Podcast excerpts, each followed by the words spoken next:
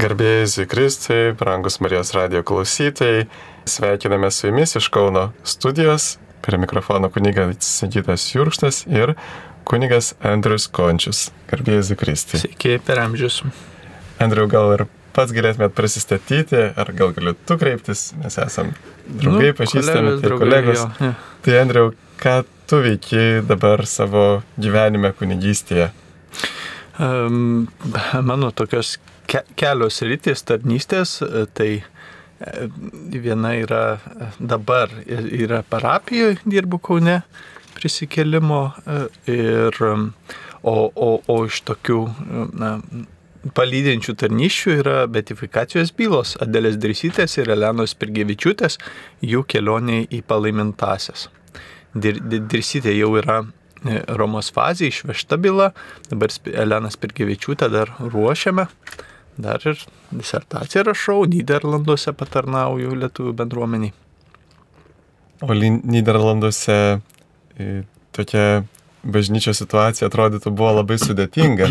Kažkada pasižymėjusi, kad ten va tuos narkotikus legalizavo kažkaip labai bažnyčios iš Niderlanduose visiškai su pasaulėjus visuomenė, ten nu, praktiškai atviras visur yra toks ne tai, kad ateizmas, bet turbūt, reiškia, laicizmas, ne, reiškia, kad su, su pasaulėjimo, jo, reiškia, visiems viskas grinai, grinai pasaulis, ar tarsi Dievas neegzistuotų ir, ir jeigu tarpu kariu buvo pati katalik, pats katalikiškiausias kraštas Europoje, tai kažkaip viskas greitai pasikeitė ir dabar Dabar, jeigu norim švęsti mišes, mes turim išsinuomoti bažnyčią.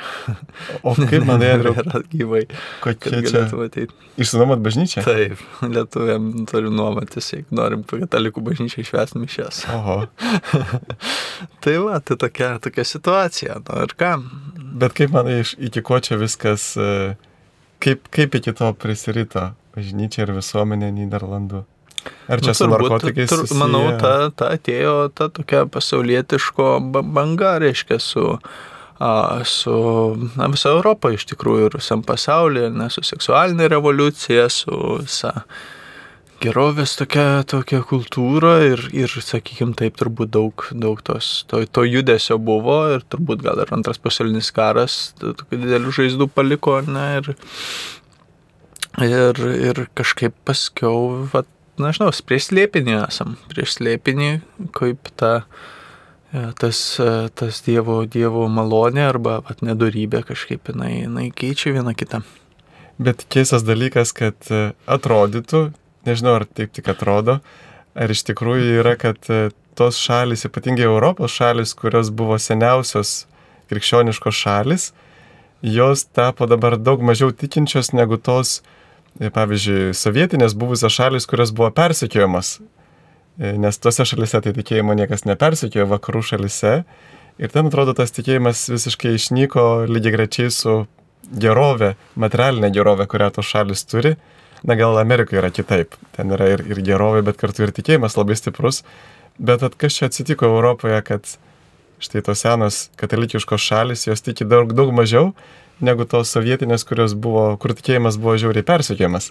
Nu, turbūt ir ten, ir ten yra visko, ar ne, reiškia, ir žiūrint, kurį kraštą imsi, manau, priklauso labai nuo, nuo savitumų, tai um, turbūt ne, ne, nelyginčiau, kad taip ar taip, bet matome, kad ir, ir, ir pas mus ateina, turbūt galbūt buvo tas pasipriešinimo, ne mums būdas, tikėjimas ir religija mums buvo kaip, kaip pasipriešinimo būdas, tai mes išlaikėm šitą, o dabar vėl na, toks masinis sodybų tuštėjimo metas bažnyčiose irgi matomas pas mus, tai tikriausiai tas žmogaus noras, reiškia, savo, reiškia, įsipatoginti šitam pasaulyje ir, ir kai, kai viskas gera, mums galbūt Dievo ir nebereikia, žinai.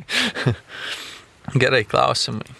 Taip, gerai, tai tada e, vienas klausytojas klausia, kaip bažnyčia žiūri į charizmatus. Tai visų pirma, tai visa bažnyčia yra charizmatai. Jeigu taip paimsime. Um, um, nes visa bažnyčia yra chariz, charizmatiška, reiškia šventosios dvasios dovanos veikia visoje, visoje katalikų bažnyčioje. O dar yra tas judėjimas arba, arba judesys šventosios dvasios, gal taip geriau pavadinti, negu nes, nes tai nėra kažkoks judėjimas įkurtas kažkokių žmonių, kas vadinama katalikų charizminio atsinaujinimu, ar, ar tais kartais keistuoliais, kai kam atrodančiais, kurie ten labai um, išraiškingai gėda, uh, džiaugiasi, melsdamiesi uh, ir, ir, ir, ir užtarimo maldą meldžiasi, arba ten iškėlė rankas meldžiasi.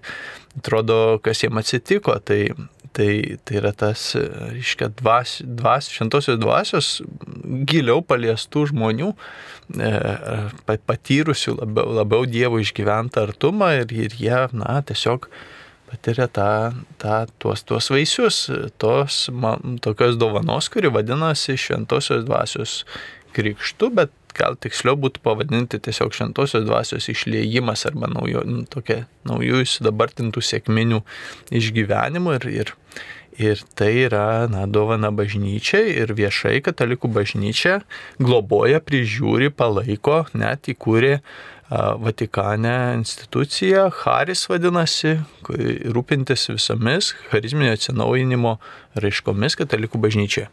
Ir dar vienas klausimas, kodėl kartais maldoje jaučiu šventąją dvasę, o kartais malda būna labai sunki. Gal aš kažką netaip darau? Klausimas, kartais maldoje jaučiu šventą dvasę. Na, jeigu atvirai pasakyti nuo savęs, tai didelę daugumą atvejų aš maldoje nejaučiu šventosios dvasios.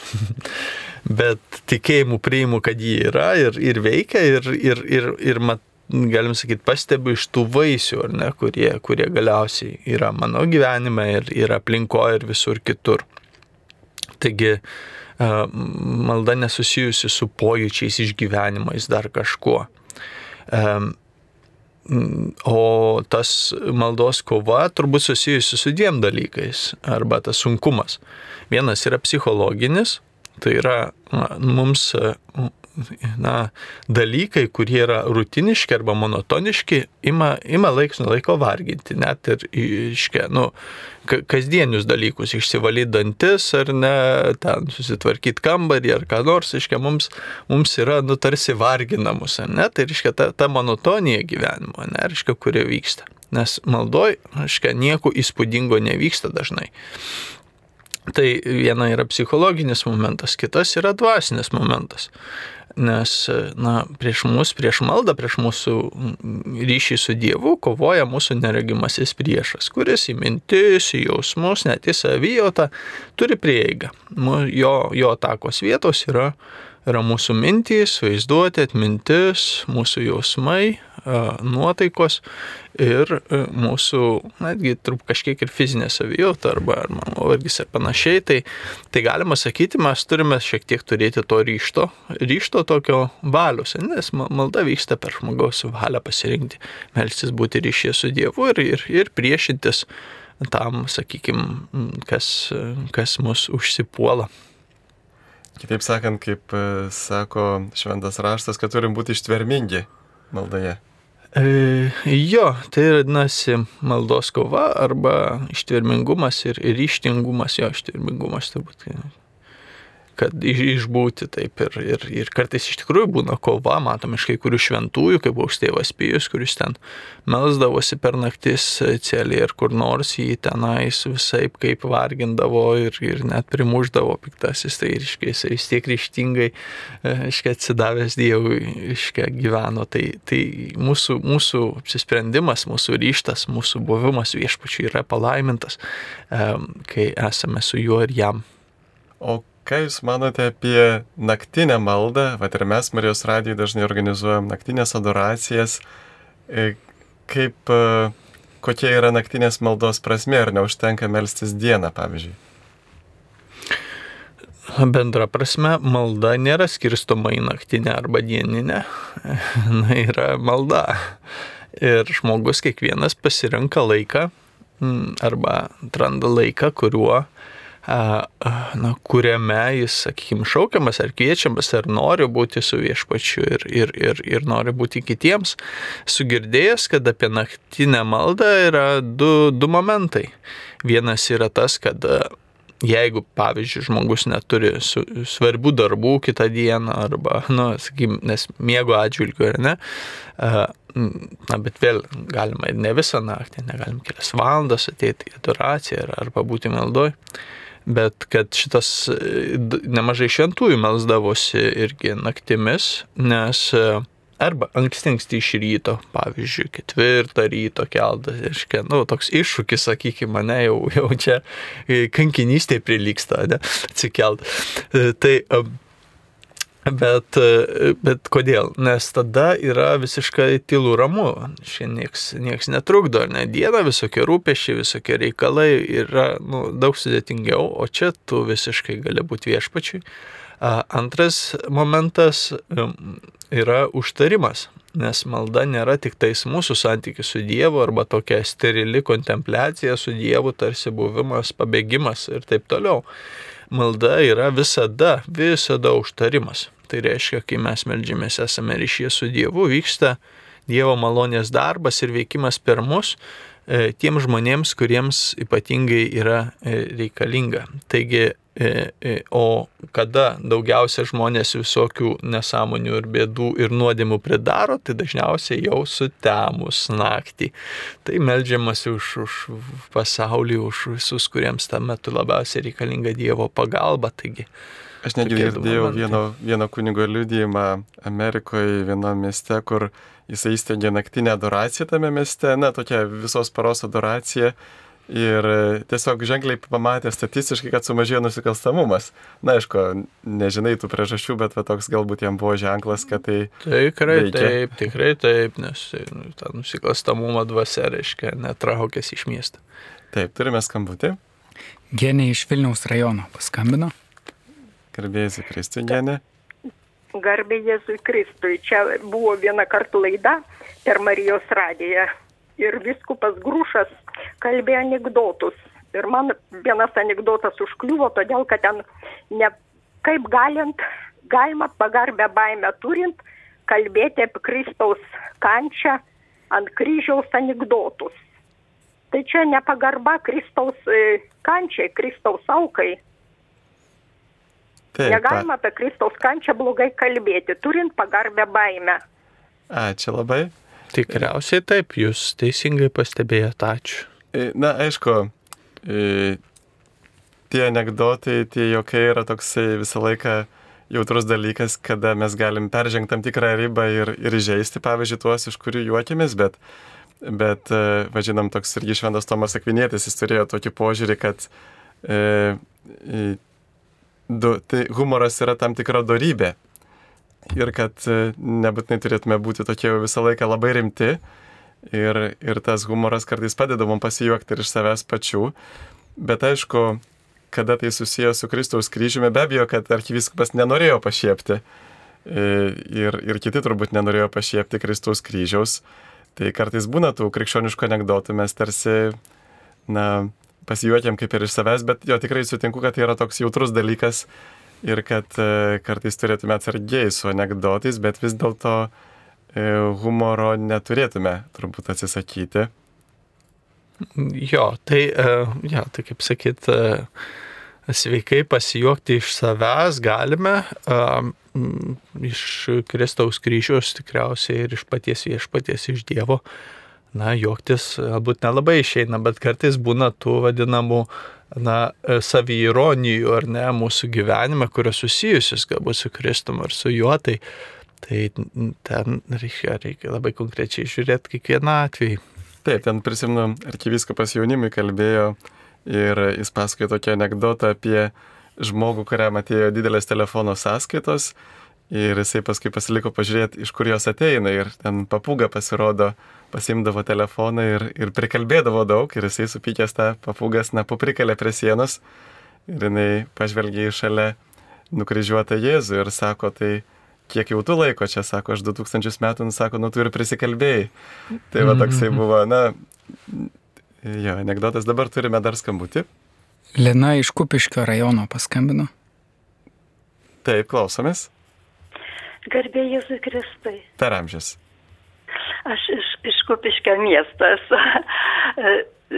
Aš skambinu prieš keletą laidų ir iškėliau tokią problemą. Kai priimame šventąją komuniją, tuo metu, šventųjų mišių metu, labai norėtųsi tylos yra grojama ir gėdama, norėtųsi įsiklausyti ir viešpats Jėzus pagėdauja, kaip aš suprantu, suprantu to, sako, kad mano balsas yra labai tylus ir mane gali išgirsti tik susikaupusi siela. Norėtųsi išgirsti iš jo vertinimą mano veiklos ir, ir tiesiog pajusti palaimą bendravimą su Dievu Šventoji Faustina, tai vos jis iki savo klaupto nueidavo, kiek užlietavudavo palaimas, aišku, mes lygintis neturėtume, bet vis dėlto e, norėtųsi pajusti tą bendravimo su, su Dievu džiaugsmą ir tiesiog gal jūs galėtumėte kažkaip tarpininkauti tarp, tarp žmonių ir, ir viskupų konferencijos. Ir va dar ką norėjau pasakyti. Atkristų visi netinkami palaimos sėkimo būdai, juk yra problemų visokių bažnyčia. Ir aš manau, kad visas problemos bažnyčia kyla iš to, kad yra nepakankamas ryšys su viešpačiu Jėzumi Euharistijoje. Galbūt jūs galėtumėte, na, ar pakviesti viskupų konferencijos pirmininką, ar kažkaip kažkaip perduoti šitą problemą, kad būtų tyla. Ir paprasčiausiai liturginėme maldinė parašyta bent 10-15 minučių pabendrauti. Tai tikrai tiek nepabendraujam. Aš atsiprašau, jau užsiplėčiau. Taip, ačiū, dėkui. Supratome jūsų klausimą. Ačiū.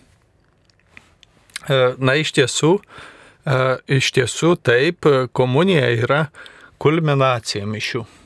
Šventoji komunija yra yra iš tikrųjų, na, svarbiausias momentas mums, į kurį turime su, su susikaupimu, su dėmesiu išgyventi. E, ir, ir, ir kartais galbūt mes tarsi neįvertinam arba ne, ne, nepakankamai na, suteikiam reikšmės šiam pats vienybė su pačiu viešpačiu, pas viešpats ateina į, į mus ir, ir, ir išgyvename vienybę su juo. Dabar, kad yra įprasta bažnyčios įgaro vargoninkas, kad jis gėda ir, ir, ir, ir groja ir, ir šlovina, tai giesmės nėra mums na, kaip sakyt, fonas arba trukdis arba triukšmas. Giesmės yra malda ir garbinimas Dievui. Garbinimas ir šlovinimas, kurio užduotis yra padėti arba vesti giliau į garbinimą, steigti nuotaiką arba paskatinti. Galima net gėdoti viešpačiui kartu. Tai, tai Tai šitame, šitoje vietoje nėra, nėra konflikto tarp, nes ir tyla, ir giesmė, abu du būdai Dievą, dievą garbina ir, ir, ir yra skirti santykių su Dievu. Tad manau, kad jūs galite vienodai, jeigu jums norisi tylos ir, ir vyksta giesmė asmeniškai, e, Lina, kaip jūs raš, e, sakote, tai jūs galite praktikuoti vidinę maldą arba susikaupimo maldą. E, tai yra ta šventovė, ta vidinė, vidinė, vidinė jūsų užuovėja, e, kur, kurioje jūs esate ir, ir kur jūs kiekvieną kartą galite būti, nesvarbu kas aplinkui. Tiesiog nusileisti savo sielos gelmę ir būti kartu su Jėzumi, o aplinkui gali būti visko triukšmo, e, net, nežinau, gali uraganas būti, gali ten bet, kur ir, ir, ir šitą vidinę maldą galima ne tik bažnyčiui ir, ir visur kitur išgyventi, jo lab po komunijos prieimus Jėzų susikaupti ir tiesiog, e, kad visa, kas aplinkui nu, nueina į antrą planą, ar ne, aš esu, aš esu ir viešpats. Tai jūs tą galite asmeniškai daryti, o, o, o vargonų arba gesmės, uh, reiškia, pakeitimas tikrai nieko neišspręs, o tie, kurie linkia išsiblaškyti ar ieškoti kažkokių išorinių trikdžių, tai jeigu nebus uh, gesmės, vargonų, tai tada kita trikdys, kad kitas per garsiai kvepuoja, kad, kad kaip kitas čia taip daro, ar kaip panašiai reiškia, kur na, tai yra nuo žmogaus priklauso, ar jisai susikaupia su Jėzum būti ar ne, ne, ne nuo išorės. Taip, ir turbūt požiūris Pranciškus, kai jis buvo Lietuvoje, jis irgi tą praktikavo tokia tylos keletą minučių, aišku, 10-15 minučių čia tikrai nėra parašyta, kad liturgijos metu būtų tyla, bet tikrai kokį porą minučių po komunijos kai kurie kunigai tą praktikuoja tylos ir ta tylos malda iš tiesų labai svarbi tai įžengimui į maldos gelmę. E, ar jūs, kunigai, nenorėtumėte pas darbdavi po 14 valandų mėnesių, ką kitą sunkiai padirbėti, gal tada kitaip galvotumėte, ar tas Dievas egzistuoja ar ne. Ačiū už gerą klausimą, Jekinga. Tarp kitko, tikrai, jeigu jums atrodo, kad mes nieko neveikiam, tai, nu, aš jau kokį mėnesį maždaug ir dirbu po 14 valandų kiekvieną dieną ir tikrai nemanau, kad tas darbas yra labai lengvas mūsų kunigų, nežinau, kiek jūs dirbate. E, taip, tai, tai tas, kuris parašėt, gal norėtumėt e, padirbėti, e, reiškia, kunigų, reiškia, pabūti, reiškia, kokį mėnesiuką ir, ir pamėginti ir tada uh, įsitikintumėt, kad Dievas yra. Taip, kitas klausimas. Jei katalikų bažnyčia yra charizmatinė, kodėl nesijungia prie pasaulinės bažnyčios tarybos, pačios charizmatiškiausios organizacijos pasaulyje, tik pareiškia, kad kažkodėl tai klaidingas judėjimas, nors jį sudaro tikintieji? E, pasaulinė bažnyčių taryba, ne, nesu įsigilinęs į tą jų klausimą, žinau, kad tokia egzistuoja. Um, ir na, kiek žinau, bent jau atstovus arba narius, katalikų bažnyčia paprastai siunčia e, į šiuos susirinkimus ir na, dalyvauja, kaip sakyti, ekumeniš, ekumeniškų santykių bet e, jeigu gerai atsimenu, šitoje organizacijoje yra tas vadinamas noras suniveliuoti, tai reiškia, kumenizmas e, autentiškas išreiškia ieškojimą bendrystės ir vienybės skirtingume, pažįstant ir priimant vienas kitą, o kada bandomas padaryti vieną tokią, na, tarsi, tarsi kryptį, kuriai visi, visi atsiduotų ir klausytų, tada jau, reiškia, nu, iš katalikų žvilgsnio apaštalinio, a, ne, ne, ne visai turbūt pagal katalikų bažnyčios mokymą sutampa. Ir, ir na, taip sakyt, mo, iškia, jeigu, jeigu a, tas bažnyčios šitos organizacijos principai ir mokymas kertasi su evangeliniais ir, ir apaštalinės, apaštalinio mokymo iškia, dovanom, kurios yra ir prieštarauja, tai tada aišku, bažnyčia nusako, nu, mes galim su to judėjimu jį, aiškiai, nu, būti bendrystės ryšyje arba bendravimo ryšyje, bet mes negalime pripažinti šitų, škia, šito mokymo, kuris, kuris nu, škia, mus kompromituoja pačius. Na, aišku, gal neteko girdėti apie kritiką tai organizacijai, bet kiek žinau, kad katalikų bažnyčia nesijungia prie jos, todėl kad yra visiškai skirtingas dydis tų bažnyčių, va štai ten yra 349 bažnyčios su 500 milijonų tikinčiųjų, o vienintelė katalikų bažnyčia jinai ir pati turi virš milijardo tikinčiųjų. Tai tiesiog katalikų bažnyčia žiūri į tai, kad e, Dievas įsteigė vieną bažnyčią ir jisai norėjo vienos, vienos bažnyčios. Ir galbūt kita vertus vyksta ir diskusijos pačioje katalikų bažnyčioje, kokia turėtų būti ta krikščionių vienybė. Ar pavyzdžiui, visi būtinai turėtų sugrįžti į katalikų bažnyčią, ar Tiesiog mes turėtume priimti e, tiesiog, kad mums sakytume, kad užtenka vieno tikėjimo išpažinimo e, ar kažkokiais kitais būdais siekti tos vienybės, tai tikrai vyksta gyva, gyva diskusija. Turime skambutį. Paskambino Stefanija iš Kazlų Rudos. Taip, Stefanija, prašom. Gerbė Jėzai Kristai. Per amžius. Man neduoda ramybės jau du metai, beveik šitą, ta, ta mano anūkas laukia du metus, buvo su, sugalvoję, kad 22 metais, 22 Liepos ims šliūbą. Ir ten Kauno katedroje net jau užsiprašė. Nu, ir aš sakiau, aš ne, nesulauksiu, numirsiu, nes aš jau sena, bet sulaukiu, ačiū Dievui. Ir aš tiek laukiau tos dienos, kad jie, jau aišku, kaip paprastai dabar jaunimas gyveno kartu kelis metus ir kad jau jie atliks kom, išpažinti ir priims švenčiausią komuniją. Ir mes buvom e, vis, visą giminė ten sėdėjom prie pat. Ir taip viskas gražu buvo, bet komunijos nebuvo. Tai aš paskui po tų vestuvių klausiau, nu, ko sakau, mokyties buvo ten kursuose su savo išrinktąją, ar jūs nelėpė, ar kaip čia buvo, kad jūs ne, ne, netlikot išpažinti, nieko sako, o nu, sako, mums nieko apie komuniją nesakė. Aš taip nusivyliau ir aš dabar va, prisiruošiau paskambyti į šitą laidą pa, pasikalbėti. Nu, taip man skauda širdį ir keli. Taip, ačiū, supratom jūsų klausimą. Taip. taip. Tai čia turbūt yra e, du dalykai, kad viena vertus sant, pasirengime santokai kurse yra labiau koncentruojamas į šeimos gyvenimo visokias problemas, bet aišku yra ir kalba paskaita apie santokos sakramentą. Tačiau, kita vertus, žmogus, kuris tuokėsi, dabar jau bažnyčioje privalo turėti sutvirtinimo sakramentą. Tai paprastai e, dauguma jaunuolių, jeigu jie neturi, tai jie besiruoždami sutvirtinimo sakramentų, jie kartu ir išmoksta apie visus tuos dalykus, apie išpažinti komuniją. Gal tada pažiūrėkime kitą klausimą. Jeigu Dievas tikrai myli žmonės, kodėl pagėdavo slapstytis ir nuo eros pradžios leidžia žmonėms kurti apie save fantazijas? Tai šitas klausimas yra geras. Kodėl Dievas slepiasi? Kodėl jis savęs neparodo ir kad visiems pasidarytų aišku, bet nori būti prieinamas, na, tokiu, sakykime, neregimų būdų per tikėjimą, ar ne? Taigi, turbūt atsakymas vienintelis yra žmogaus sukūrimas pagal Dievo paveikslą ir žmogaus laisvė.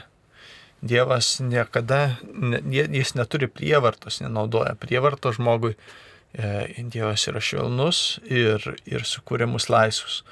Tad viešpats nori, kad mes būtumėm laisvi savo pasirinkime ir ryšyje su juo ir jį atrasdami arba pasirinkdami e, su jo malonė, su jo pagalba, bet e, tarsi, tarsi patys.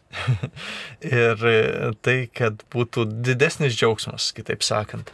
Tai yra atradimas to lobio arba to perlo, apie kurį Jėzus e, kalbėjo. Taigi galiausiai esame prieš slėpinį, Dievas, Dievui yra aišku, kodėl jisai na, numatė tokį, tokį vyksmą. Bet žinot, gal vienas, e, viena priežastis galėtų būti ta, kad e, įsivaizduokite angelus, kurie turėjo tobulą Dievo pažinimą ir užteko jų vienintelio sprendimo, kad, jie, kad tas sprendimas būtų amžinas, neatšaukiamas, kad jie e, nupultų ir nebebūtų galima jų sugražinti į bendrystę su Dievu.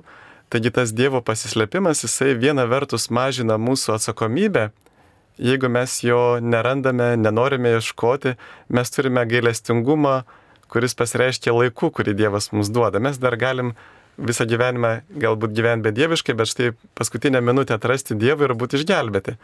Bet kita vertus, tai kartu didina nuopelną tų, kurie tiki, nes e, tam tikėjimui reikalinga ir tokia ypatingai ištikimybė savo sąžinės balsui, nes e, dažniausiai priežastis netikėjimo vis dėlto, kaip rodo praktika, yra e, moraliniai nukrypimai, na tiesiog nepajėgumas laikytis Dievo įsakymų moralinėje srityje, ypatingai litiškumo srityje. Taigi tas žmogus, kuris nuoširdžiai tiki, nepaisant, kad aplinkoje visi niekina jo tikėjimą, jisai kaip tik gaus didesnį nuopelną. Taigi Dievo išmintis galbūt yra tokia, kad jisai viena vertus yra viešai apsireiškęs per gamtą ir per sąžinę. Ne vienas žmogus e, turintis šiek tiek proto negali sakyti, kad štai ta gamta yra kažkoks chaosas ir čia Dievo visai nesimato, ten tvarkos, harmonijos, grožio nėra, priešingai. Ir kiekvienas žmogus turi sąžinę. Taigi e, negalvokime, kad Dievas yra kvailas, bet iš tikrųjų tai yra didelė Dievo išmintis. E, Marijos radio laidoje buvo užsiminta, kad kunigai gyvena netvarkingą seksualinį gyvenimą. Ar tie santykiai jiems draudžiami, ar tik šeima draudžiama? Hmm.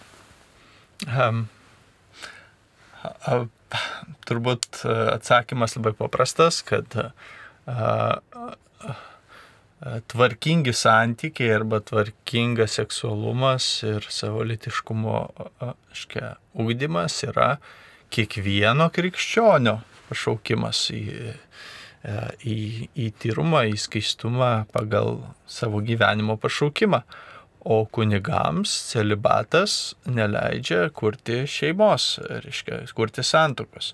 Tai reiškia ir su tuo susijusių santykių. Taip ir kartu, e, va, kodėl kunigai neduoda tų įžadų, e, pavyzdžiui, skaistumo įžado, nes skaistumo įžadas viena vertus jisai e, suteikia didesnį nuopelną, nes žmogus va, pasiryšta ir ištesi ištikimybėje ir kita vertus sulaužius skaistumą, kai tai esi padaręs skaistumo įžadą, yra dvigubai sunkesnė nuodėmė. Tai kunigai kol kas, na, kunigai neprivalo duoti skaistumo įžado, bet be abejo, kad jie kaip ir kiekvienas krikščionis turi laikytis Dievo įsakymų, tame tarp ir šeštojo bei devinto. Turime skambutį. Paskambino Jonas iš Pivašiūnų parapijos. Per vėjas į Kristų. Per amžius. Šitą norėjau sužinoti, kas per moteriškis per atlaidus rinko parašus 15 dieną rūpiučio. Ir pernai irgi rinko duomenys ir kur jos naudoja, nežinia. O kokius, kas, kas turit minti rinko parašus? Nu, ten stovėjo moteriškės ir rašė su tušinuku. Ai, tai turbūt, re, turbūt renka duomenys apie aukotojus, kad galėtų jiems nusiųsti padėką. A, taip, tai taip. čia labai gerai, nes mes nežinojom, tai užtat norėjau paklausti. Taip, ačiū už klausimą. Kitas klausimas. Norėčiau sužinoti, ką reikia daryti su mirusiojo nuotrauka, kuri buvo nešama per laidotuvės po gedulo. E, tai klausimas e, turbūt galima performuluoti vietoj ką reikia daryti, o į klausimą, o ką norite daryti. Taigi, tai laisvai, ką jūs norite, galite galite padėti į lentyną, galite, žinau, jeigu norite neturėti emocinių, reiškia, sunkumo ar dar ką nors galite paslėpti, galite sudeginti, galite. Reiškia, jūsų, jūsų reikalas. Taip, ačiū. Ir aišku, tiesiog e, turbūt nereikėtų bijoti tos nuotraukos, kai kartai žmonės bijo prisiliesti, kad va čia jau mirusio žmogus daiktas kažkoks blogas tai tikrai nereikėtų bijoti, mes tikrai galim turėti nuotrauką savo namuose mirusio žmogaus ir, ir melsis už jį ir, ir galbūt prisiminti, kad ir jisai meldžiasi už mus. Jo, e, esu girdėjęs du, du, du variantus. Vieni, kurie nu, nori tą prisiminimą išlaikyti ar ne, bet uh, psichologiškai būna dar sveikiau, reiškia visus uh, daiktus ir visą prisiminimą, kas buvo su žmogum, tiesiog paslėpti, kad nebūtų prie akių, kad žmogus galėtų gyventi toliau savo gyvenimą, nes to žmogaus nebėra, bet žmogus gyvenimas tęsiasi ir, ir jisai yra nu, naujas ir, ir, ir kitoks. Taip, gerbiami klausytojai, primenu, kad e, tiesioginio eterio numeris galite paskambinti yra Kauno kodas 837 32 3230. 32 3230 arba galite parašyti SMS žinutę numeriu 8650 49 107.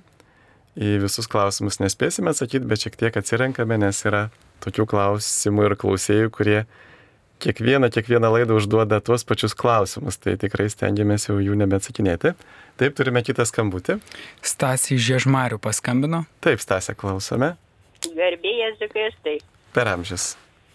Norėjau tokį pastebėjimą, turiu aš kiekvieną sekmadienį, kiekvieną šventas dieną, šventadienius, lankausi visą laiką bažnyčiose ir dabar žiūriu, kad kunigai visą laiką kalba tik tai per mikrofoną ir nuo altoriaus, nuo Dievo stalo.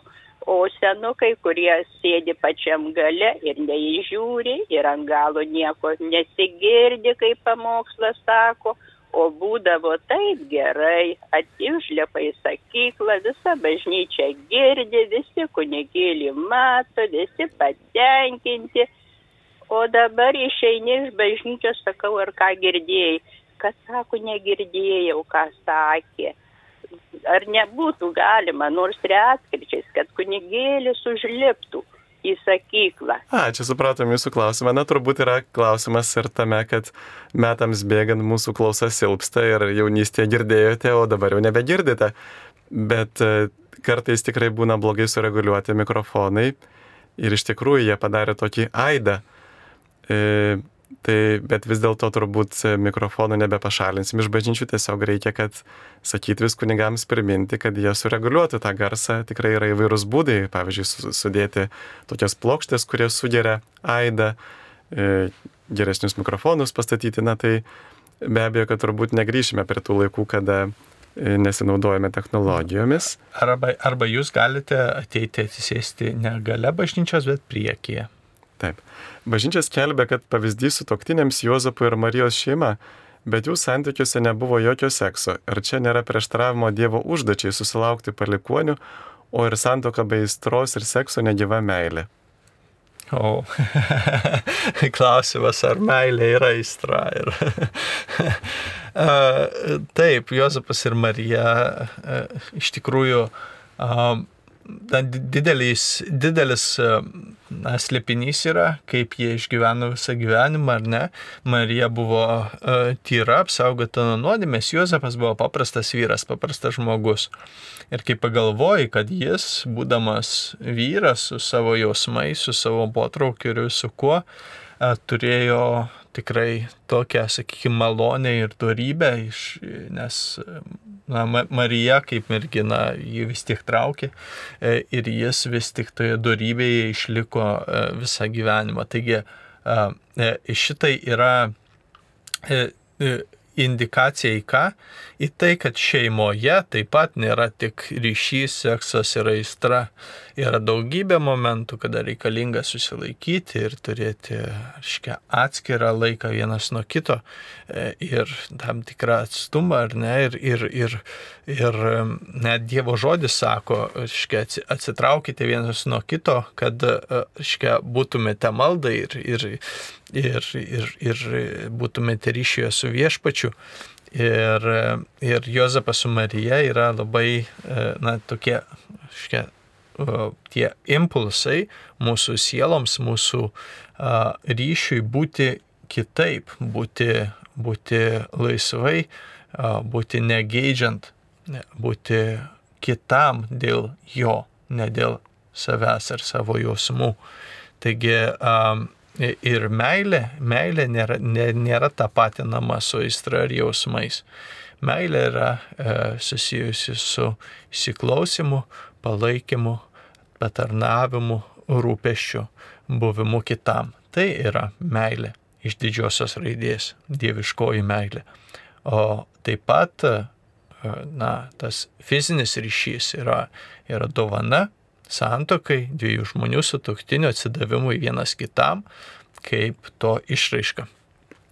E, taip, ir čia Aišku, galime pasakyti, kad me, žodis meilė turi daug, daug žodžių, daug prasmių ir va ta sutoktinių meilė. Be abejo, kunigas Andrius kalba apie tą tokią agapę, dievišką meilę ir būtent tuo jie yra mums pavyzdys, kad e, buvo abu atsidavę Dievui, Dievo valiai, bet aišku, kad reikalinga ta eros meilė ir jos kurstimas šeimoje ir kartu visgi e, pati, na, va ta tokia valinga, samoninga meilė, gėrio linkėjimas kitam, kaip tik ir padeda irgi labiau mylėti kitą ir priimti jo kūno dovaną. E, aišku, bažnyčia leidžia mūsų toktiniams, jeigu jie susitarė, kartu neturėti lytinių santykių, jie gali gyventi va taip e, visiškame skaistume, bet kartais būna, kad vienas iš jų tiesiog pats susitarė, kad štai aš dabar neturėsiu lytinių santykių su savo sutoktiniu, pavyzdžiui, žmona sako, aš dabar gyvensiu skaičiai, o tu vyrė daryk, ką nori. Tai iš tikrųjų tokia praktika turbūt būtų bloga, nes jie iš esmės stumia vyrą į sunkia nuodėmę. Tada vyras turės ieškoti pornografijos, masturbacijos, o gal net ir kitos, kitos žmonos, kitos moters. Tai čia turbūt to neturėtų, nereikėtų daryti, nes turi būti susitarimas iš abiejų pusių. Jeigu žmonės nori gyventi skaičiai, Na ir aišku, kad santoka. Ir, ir, ir, jo, ir svarbu įvardint, kad santykiai pala, Dievo palaimintoje santokoje yra, yra skaistus. Tai yra skaistumo išraiška. Tai... Taip, taip. Tai, ta prasme, tai, tai nėra lytiniai santykiai šeimoje ir santokai, tai nėra kažkoks tai nusižengimas ar blogis, net jeigu ir neplanuojama susilaukti vaikų, kaip tik yra, kaip bažnyčia dabar moko, yra dvi e, dvi priežastis, kodėl reikalingi tie lytiniai santykiai ir, ir tam, kad susilauktų vaikų, bet kartu ir tam, kad tai vienytų su toktinius. Ir aišku, čia vėl jau yra kitas klausimas, gal nenukrypsime į kontracepcijos klausimą, jo kad tie du dalykai turėtų būti vis tiek išlaikyti vienybėje ir, ir jeigu žmogus nenori turėti vaikų, tai turi pasinaudoti tokia gamtos dovanota moters nevaisingumo faze, yra natūralaus šeimos planavimo visi metodai, kad, nebūtų, kad būtų galima nenaudoti kontracepcijos priemonių. Bet visgi grįžtant prie santokos, vis tiek vienas iš tikslų yra, kad e, žmonės susilauktų vaikų. Ir e, tai turbūt nėra gerai tuoktis ir nenorėti turėti vaikų. Ir turbūt, na nebent. Ne tai, kad nėra gerai, bet netgi nu, santokos sąlyga yra viena, kad Taip. atvirumas gyvybei ir atvirumas naujai gyvybei, kuri nes tai yra na, Dievo planų dalis. Nebent jeigu jie va štai norėtų gyventi, na taip kaip brolis ir sesuo, būtų susitarę, nors apaštalas Paulius sako, kad geriau tik tai laikinais, kad paskui šitonas negundytų jūsų nesusivaldymu, bet jeigu taip nutartų, vis tiek kažkaip turėtų realizuoti tą savo tėvystę, motinystę, įsivaikinti kažkaip, bet aišku, turbūt santoka negalioja, jeigu žmogus, du žmonės e, susituokia, bet nenori turėti vaikų. Taip, e, kitas klausimas. E, norėčiau paklausti, kaip atlikti viso gyvenimo išpažinti.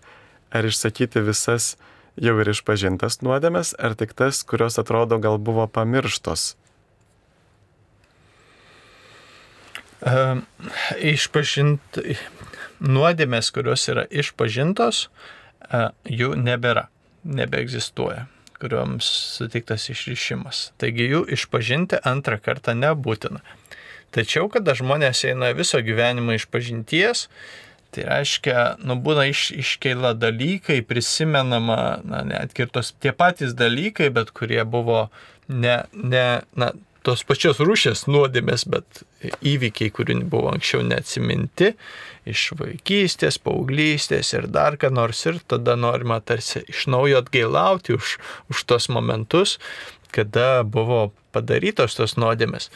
Tad, tad einant viso gyvenimo iš pažinties galima tiesiog šeilės ir mes neatsimenam tiksliai, išpažinom, gal neišpažinom, bet galime tiesiog viską išpasakoti, viską, viską ką atsimenam ir, ir, ir, ir atiduoti Dievui jo gailestingumą.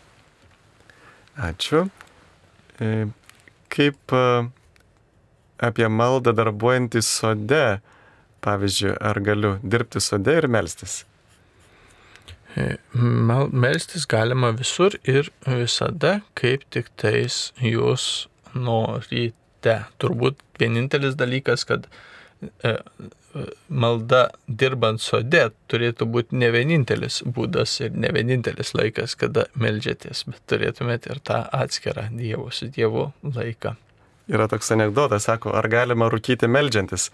E, sako, ne, negalima rūkyti melžiantis, tu turi susikaupti, bet tada kitas klausimas, o ar galima melstis rūkant? Sako, taip, galima melstis rūkant, nes visada gali melstis. Tai, tai be abejo reikėtų stengtis kartu ir būtinai turėti tokius laikus maldai, kada niekas netrukdytų, o kaip šventoji Faustina sakydavo, kad jeigu aš nepasimeldžiu tuo laiku, kuris skirtas vien maldai, tai tuomet aš negaliu melstis susikaupti ir kitų laikų. Bet antras klausimas, apie gausą parafininių žvakių deginimą bažnyčiose, jos ypač kenksmingos patalpų viduje, ar nereikėtų jų pakeisti į vaško žvakės? Ja, erdvės yra didžiulės bažnyčioj. Manau, kad jeigu čia būtų kažkokias pavojus veikatai, tai tikrai būtų susirūpinta. Bet aišku, čia turbūt yra ir finansinis klausimas, nes vaškinės žvakės kainuoja daug brangiau. Mhm. Ir, na, reikėtų turbūt ilgai nebūti. Iš tikrųjų, va tos, kur žvakių koplyčios tokios dabar populiarios, tai reikėtų tikrai uždegti ir išeiti. Taip, prašom pakomentuoti naują įstatymo projektą pateiktą Seimų dėl religinių bendruomenių, kuris leistų teismui išregistruoti bažnyčią, jei ten kažką blogai kalbės. Kol kas bent aš nesu apie tai girdėjęs, reikėtų pasidomėti. Galbūt apie šitą projektą irgi negirdėjau. Galbūt čia eina kalba apie naujų papildomų bendruomenių įregistravimą, nes turbūt sunku patikėti būtų, kad e, paimtų ir išregistruotų, pavyzdžiui, katalikų bažnyčią. E, koks piktosios dvasios veikimas ir kaip jūs į tai reaguojate? Mhm. Labai abstraktus klausimas. tai reaguojam uh, Jėzaus Kristaus vardu, dink šito, ne. uh, tai, tai va, Jėzus Kristus yra viešpats, jam paklūsta visa, kas danguje, žemėje ar po žemę. Bet labai įdomu, kad e, piktosios dvasios veikimas, jisai labai susijęs su tuo, kas uh, uh, psichologijoje, psichiatrijoje įvardinama kaip psichinės lygos arba jų bent jau tam tikros, kaip čia pasakyti, grupės lygų, nes, pavyzdžiui, na, vienos psichinės lygos yra žmonių, kurie praranda džiaugsmą. Ir piktoji dvasia kaip tik stengiasi atimti džiaugsmą, tai visokios depresijos ir panašiai. Antra grupė psichinių lygų, kada žmonės neturi ramybės, įvairius nerimo sutrikimai, irgi piktoji dvasia būtent stengiasi atimti ramybę. Kita grupė, kurie žmonių, kurie, pavyzdžiui, jaučia įvairią kaltę, ir bando, aišku, irgi yra toks anegdotas apie, kaip psichologija sprendžia kalties problemą. Tai ateina samdomas žudikas į psichologo kabinetą, sako, gerbiamas psichologija, sako, padėkite man kažką daryti, aš blogai jaučiuosi, ne, nemiegu naktimis, man įvairius košmarai sapnuojasi, įvairius panikos priepaliai. Na, aš esu samdomas žudikas, gal galėtumėt pasakyti, ką aš galėčiau padaryti kitaip. Na, psichologas jam išrašo, Na, va, sako, čia prašom vaistų išgerti, o čia atliksite terapiją 30 dienų. tai, bet nieko nekalba apie tai, kad reikėtų pašalinti priežastį, kad tau reikėtų nustoti žudyti žmonės, galbūt tada mėgosi ramiau. Tai va, ką norėjau pasakyti, kad piktoji dvasia jinai e, veikia priešingai, negu yra šventosios dvasios dovanas, kaip žinom, meilė, ramybė, džiaugsmas, kantrybė, susivaldymas ir taip toliau. Ir piktoji dvasia stumia į priešingus dalykus Ir galiausiai, va todėl taip yra svarbu, va tas gyvenimas su šventaja dvasia, kuri atneša, va tai yra ta Dievo karalystė, teisumas, ramybė ir džiaugsmas šventoje dvasioje. Ir mes į šventąją dvasę ją priimti, panirti ją galime tik tai skirdami pakankamai laiko kasdieniai reguliariai maldai. Turime skambutį. Antanas iš Kauno paskambino. Taip, Antanai, sveiki. Labas rytas. Labas, sveiki. Aš norėjau padi pad padiskutuoti trumpai dviem temom, kurios nuskambėjo šiandien laidoje. Viena apie tarnystę, na, kunigų. Kodėl tai yra vadinama tarnystė? Nes kiek teko susidurti su įvairiom profesijom, tarkim, slaugė sako, oi, mano labai sunki profesija, ten, tarkim, mokytoja sunki ir taip toliau kodėl tai nėra kunigo įvardinama kaip darbas. A, o antras klausimas tiesiog, kur buvo apie Marijos ir Juozapo santykius, tai tiesiog taip su jumoru pasakysiu, kuris apaštalas stovėjo su žvakė. Realiai mes niekas nežinom ir tikrai yra, tai yra tas rytis, į kurią mes neturėtume gilintis, ką jie ten veikia. Ačiū labai. Ačiū už Jūsų komentarą. Dėkuojam. Tai Na, aišku, va, dėl antro klausimo, tai aišku, mes nežinome, bet galime, turime tam tikrų ženklų, kad, e, va, pavyzdys, kad e, Jonas ant kryžiaus, tai yra Jėzus ant kryžiaus patikėjo Mariją savo motiną Jonui, nors buvo rašoma apie tai, kad e, Jėzus turi brolių seserų, tai yra du tokie momentai, kad paprastai pagal žydų tradiciją vis tiek turėjo rūpintis kitas sunus, Bet e, jeigu Jėzus nepatikėjo kitam sūnui, vadinasi, nebuvo kitų Marijos vaikų, tai jeigu nebuvo kitų Marijos vaikų, vadinasi, jie gyveno skaičiai su Juozapu, o broliai ir seseris labai dažnai turim šventajame rašte tiesiog, na, plačiai hebrajų kalboje tas žodis naudojamas e, platesniems gimnaitėms, net ir sunienai, pusbroliai. Tai va turbūt tas momentas, kad Marija patikė ne patikė mokiniui, yra ženklas, kad Marija neturėjo kitų vaikų, O dėl pirmo. Bet čia klausimas buvo uh, auto, reiškia, Antano uh, dėl įrodymų, reiškia, kokiais rašytiniais arba istoriniais įrodymais mes remiamės. Tai bažnyčia remiasi dviem šaltiniais. Vienas yra apaštalinė tradicija, tai yra nuo pirmojo amžių krikščionių rašyta ir, ir, ir tie bažnyčios tėvų na, raštai kuriais liudėjama šita tikėjimo tiesa, kuri yra bažnyčioje išnešta nuo pirmųjų amžių, kad e, Marija ir Jozapas gyveno šito skaistumu, nors, kaip sakot, nieks ne, su lempa nežiūrėjo, ar ne, bet, e, na, galima suvokti, kad ta, kuri, na, tokia Dievo išrinktoji pagimdyti patį Dievą, patį Dievo sūnų, e, e, e, tikriausiai vien loginiu, vien loginiu būdu, aiškia, Dievas kitaip ir negalėjo numatyti, kaip tik tais e, vien jo gimimui būtų skirta ši mergelė ir jos išaukštinimas būti mūsų visų motina danguje, mūsų visų motina danguje. Taigi neturėti kelis vaikus ar santykius ar dar kažką, bet Dievo plane ji yra motina mums visiems. Antrasis įrodymas yra e, mystikai arba šventieji, kurie apreiškimu arba iš Dievo malonės gauna ir patvirtina šią tikrovę apie Marijos gyvenimą ir jų yra visa eilė taip pat. O kunigos yra tarnystė ar darbas, kaip, kaip pats vertini įsigyti tai savo, savo gyvenimo kelią? Aš sakyčiau, čia turbūt e, esmė yra tame, kad e, pašaukimo tu negali atlikti vien išoriškai. E, jeigu tai būtų darbas, tai aš atinu, perskaitau maldas, atlieku mišes ir gyvenu kaip noriu, bet pašaukimas tai reiškia, kad aš turiu ir gyventi ir tikėti tuo, ką darau išoriškai. Ne, ne, ne, ne, tai neužtenka vien tik išorinio, išorinių ritualų atlikti. Jo, turbūt galbūt e, e, bėda būna tie atvejai, kada kunigai taip ir elgesi, na, tarsi atlieka savo darbą, atskaito valdas ir, ir, ir, ir, ir jie, na, neišgyvena to, sakykime, vientisumo su savo gyvenimo keliu, bet, bet tas klausimas, kodėl tarnystė šitą vadinamo ne kažkokią profesinių pašaukimų ar ne, kurį išmokstame. Todėl, kad galime lyginti vienodai su, su šeima arba, sakykime, nu, jeigu kariuomenė kiti eina, irgi vadinam tarnauja, ar ne, tai yra tarnystė. Kodėl? Jie dirba darbą, negina tėvynę, reiškia. Taigi, ta, ta, ta, panašiai kaip šeima, ne būti mama, tėčiu ir, ir būti šeimoje, reiškia, tai yra darbas ar tarnystė, žinai, man atrodo, labiau tarnystė, pašaukimas ir tarnystė. savo širdį, ne tik. Taip, tu visą save atiduodi, taip ir ši čia yra daugiau pašaukimas ir tarnystė negu kažkokia tai profesija, kurią įgyjome. Turime dar skambutį, tik dar priminsiu, e, dar jūs minėjote apie amžiną mergystę ir kuningas Andrius minėjo apie mystikus.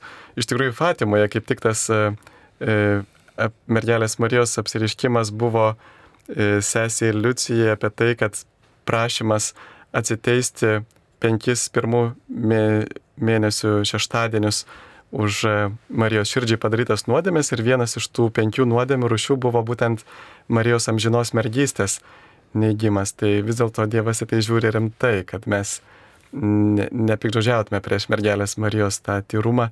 Taip, turime skambutį. Elena iš Palangos paskambino. Taip, Elena, klausome. Gerbėjai Jėzui Kristui. Per amžius. Aš turiu tokį klausimą. Mergaitės e, sesuo pagimdė per šitą žolinę dukrytę. Ir dabar ją kviečia į krikšto mamas jinai yra krikštita, yra, turi pirmą komuniją, bet neturi sutvirtimo sakramento. Jinai labai nori įgauti, bet taip greit neišeina. Ar ji galėtų krikštyti savo sesers dukrytę, kuri gimė šitą žolinę? Mm.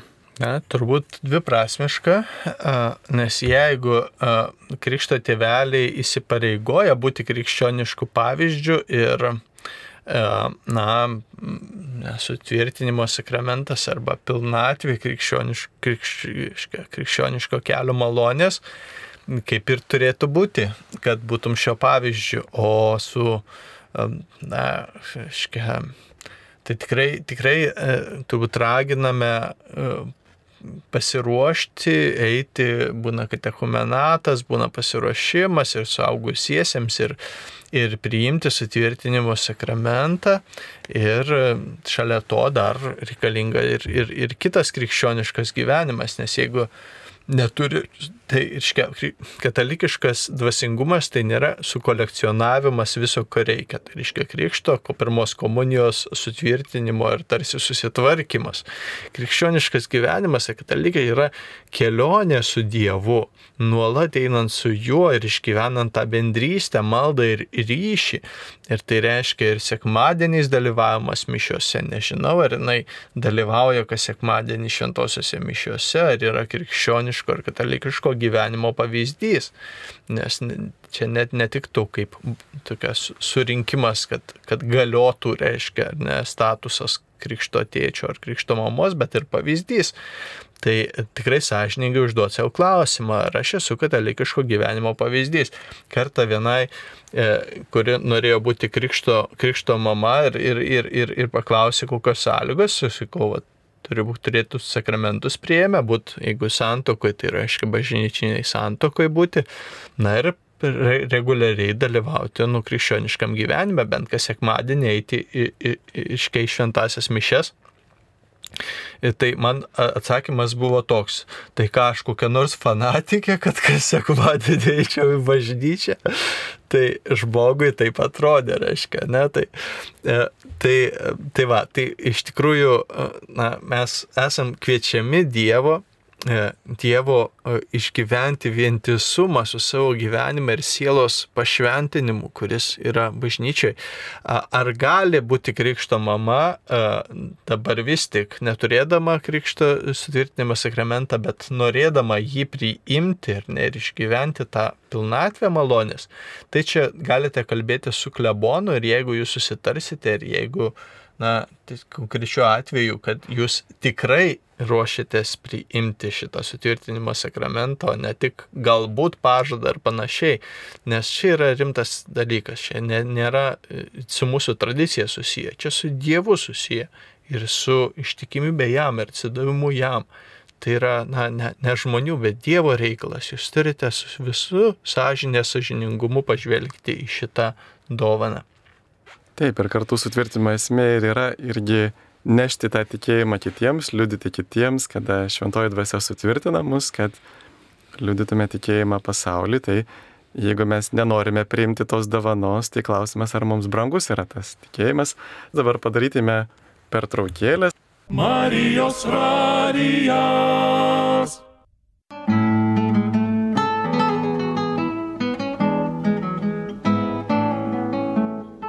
Mėly Marijos radio klausytojai, mergelės Marijos žengimas į dangų rodo ir mums krypti į dangų. Ženkime šiuo keliu. Ženkime susitikti su Marijos radio savanoriais Krekenavos švenčiausiosios mergelės Marijos ėmimo į dangų bazilikoje, kur vyksta didieji žolinio atlaidai.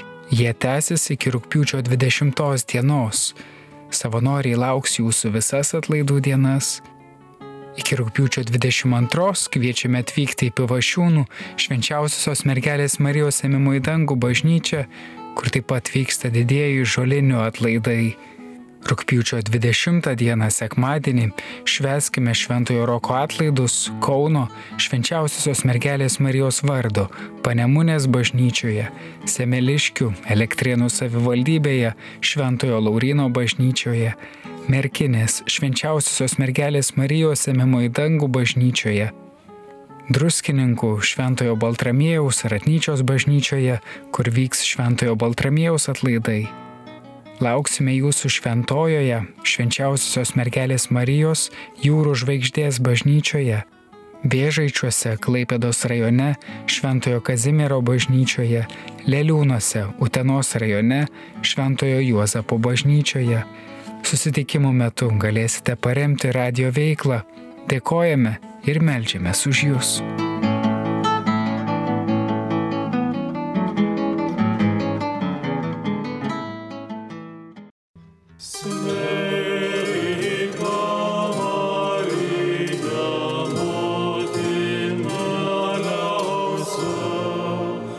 Mėly brangus broliai seserys, mėly piligrimai, Šiemet, kaip ir kasmet, labai maloniai noriu visus pakviesti į pivašiūnus, drauge švesti ir džiaugtis Dievo motinos Marijos artumu ir globa iki pat e, rūpjūčio 22 dienos, šventosios mišios 10, 12 ir vakare 18 val.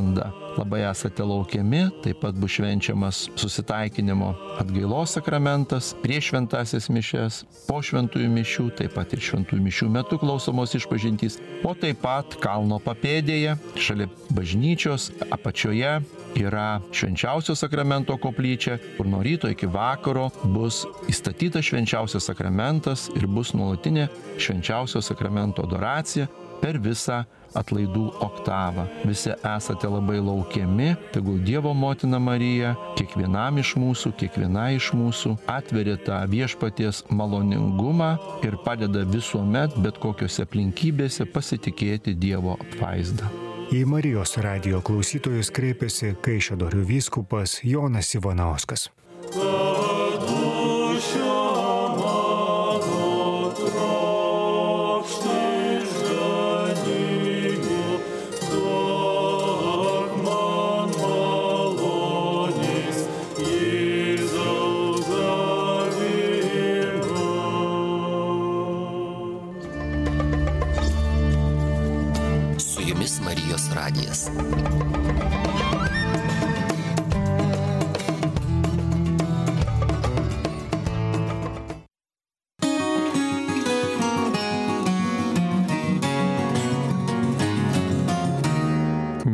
Marijos radio klausytojai, nuoširdžiai dėkojame Jums už Jūsų aukas ir maldas, be kurių Marijos radijas negalėtų gyvuoti.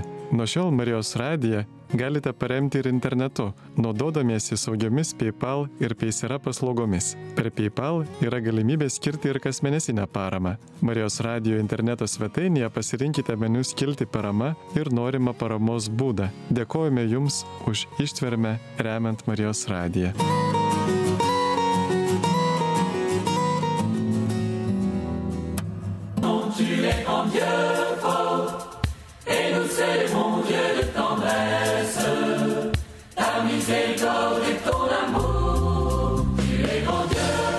Pokalbių laida Klausk drąsiai.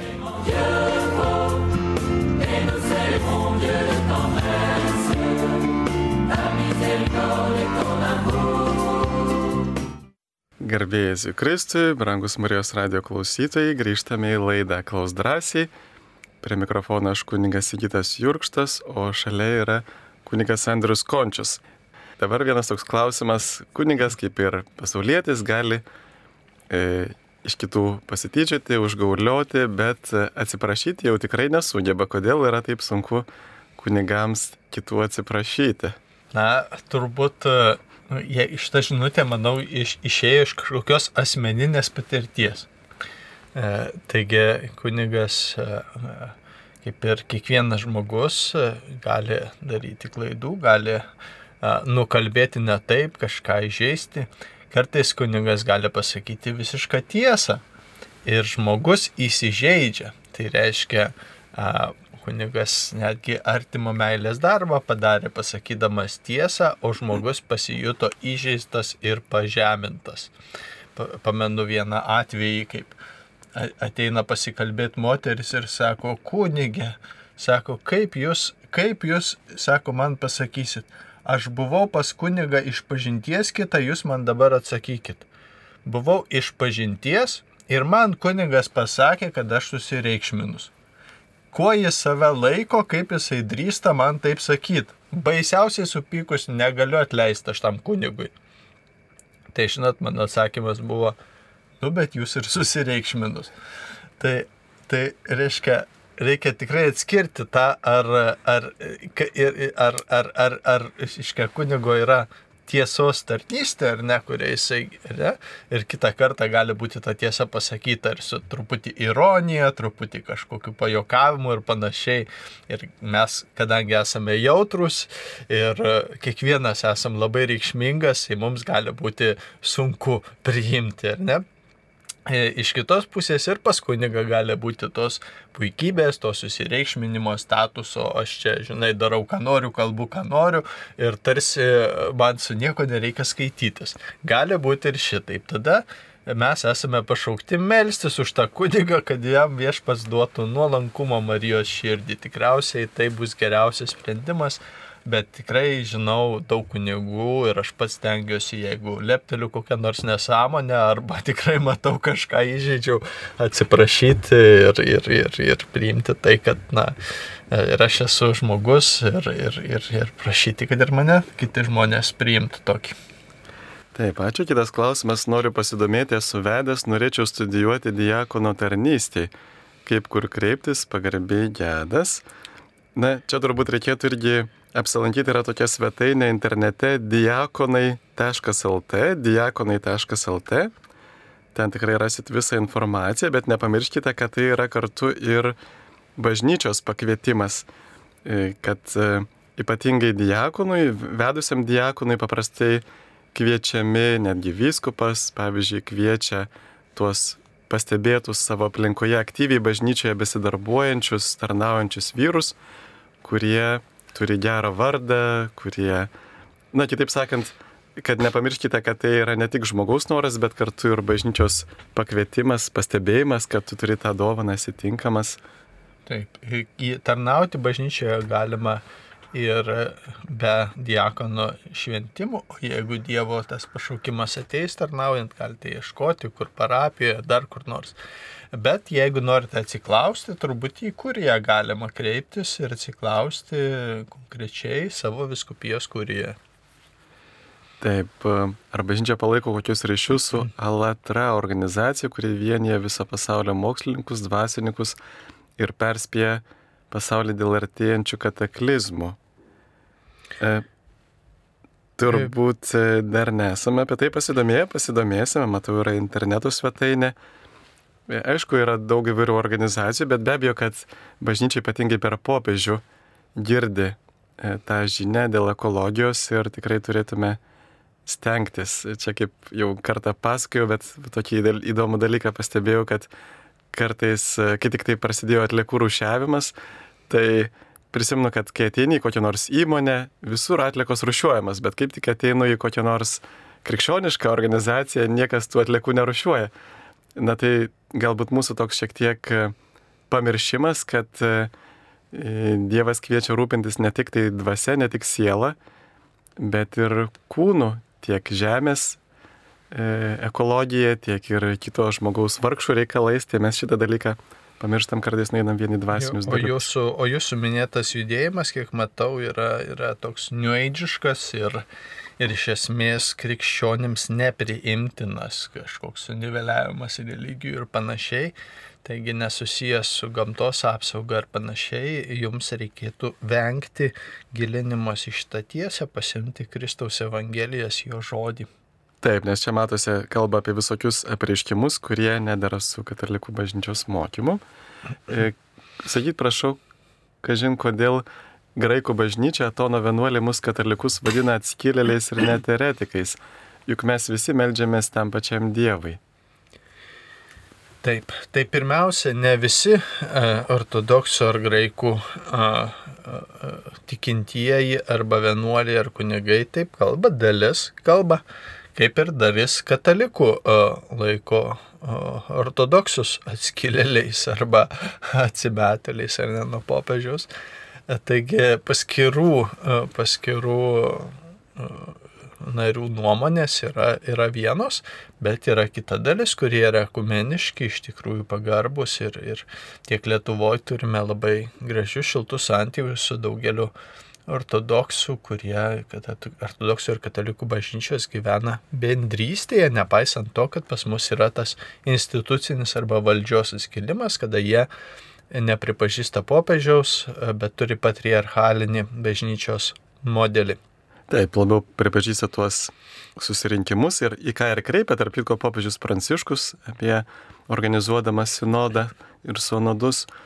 Taigi bažnyčia artėja į tą vienybę, deda visas pastangas ir kartais tikrai yra tam tikra kova dėl valdžios, turbūt yra pagrindinė priežastis bažnyčios susiskaldimų.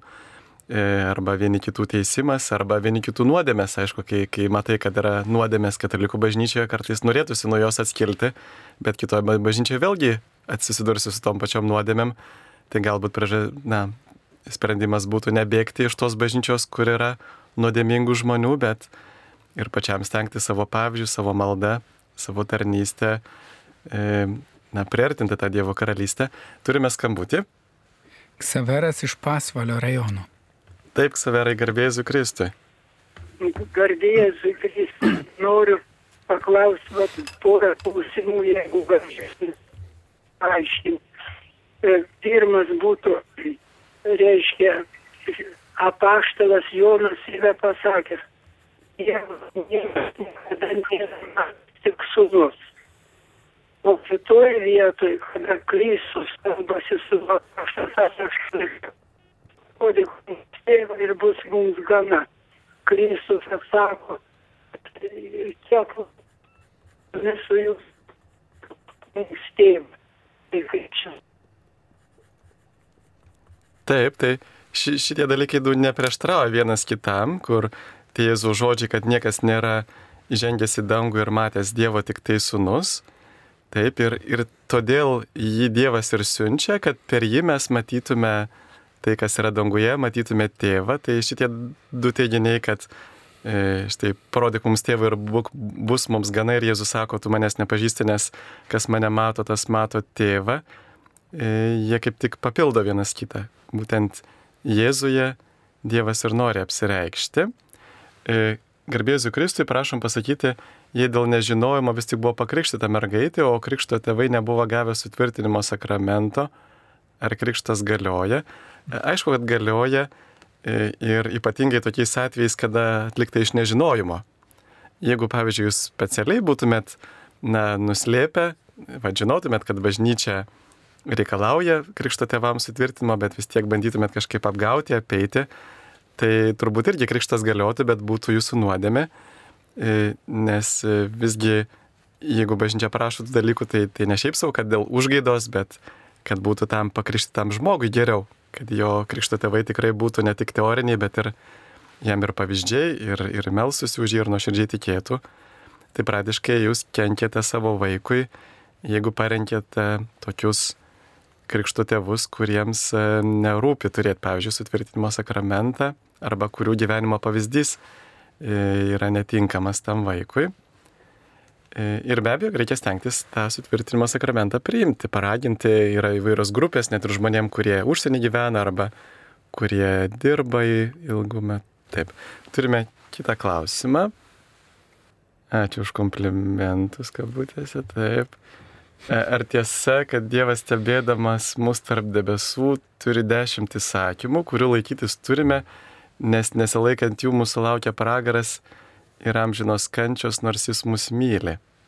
A, taip, Dievas įsakymas davė dėl mūsų, ne dėl savo užgaidų, bet dėl pačios tiesos žmogaus prigimti, kurį jisai sukūrė ir visi laikytis Dievo įsakymo atliepia mūsų tikrai prigimčiai, tikrajam, na, tau, tam, kas esame. Dievo įsakymai nėra primesti ir jeigu žmogus susvetimėja arba atsimeta nuo Dievo plano, nuo jo įsakymų, nuo jo valios, e, jis pasirenka atsiskirimą nuo jo, nuo pragaro, Dievas pasirenka pragarą iš esmų, tai Dievas, Dievas e, e, ne, nenor, nenori jis plyštančia širdimi, turi gerbti ir pasirinkimą.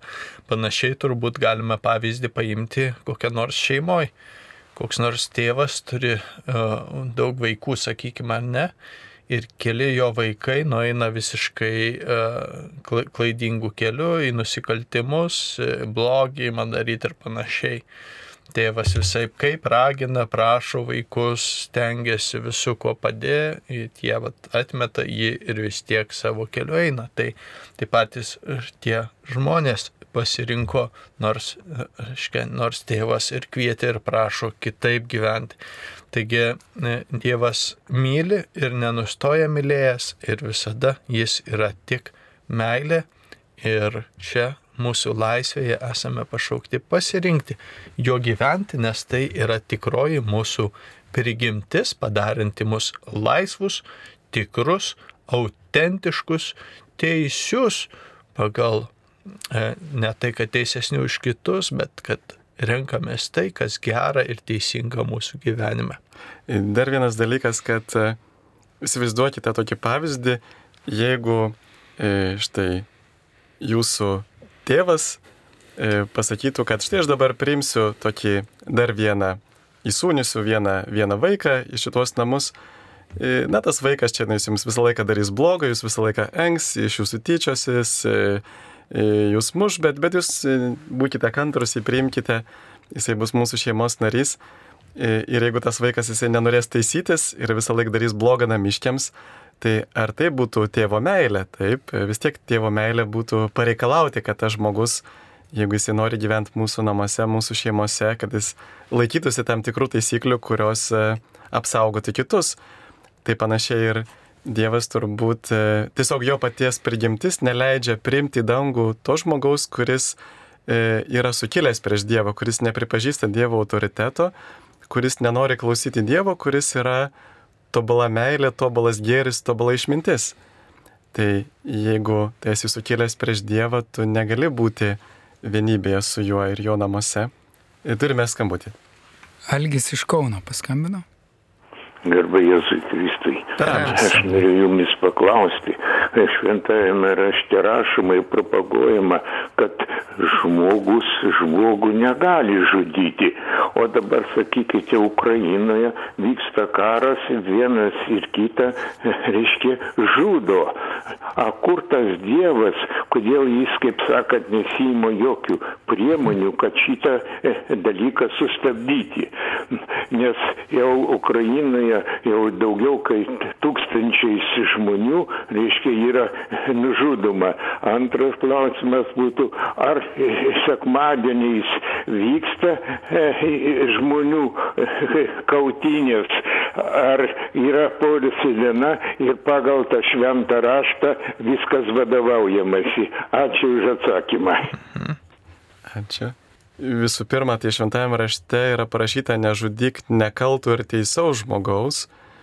Ir aišku, bažnyčia vis tiek e, vedama šventosios dvasios, ypatingai per popiežių pranciškų, neseniai jisai pakeitė e, katekizmą, kur buvo anksčiau numatyta, kad e, kartais galima taikyti mirties bausmę, bet dabar jisai pripažįsta, kad mirties bausmės taikyti nebegalima, kad tai netitinka Dievo valios. Bet kita vertus, na karas jau yra toks gaisras, kurį reikia gesinti. Ir tai yra mažesnio blogio principas galioja, kad aš arba aš nužudysiu kareivį, kuri, arba jisai nužudys, na, galbūt dešimtus, o net šimtus nekaltų žmonių. Tai tokiu atveju tai yra blogis, bet tai yra mažesnis blogis sulaikyti priešą kažkokiu tai būdu. Ir kita vertus dar, kad karai iš tikrųjų ir kyla todėl, kad žmonės nepriima Dievo ramybės. Juk aš tai ir ypatingai Fatimai per, per mergelę Mariją Dievas kalba, kad, va kaip jinai tada minėjo apie antrą pasaulinį karą, kad sako, jeigu žmonės pasitaisys, jeigu atsivers, tuomet antro pasaulinio karo nebus.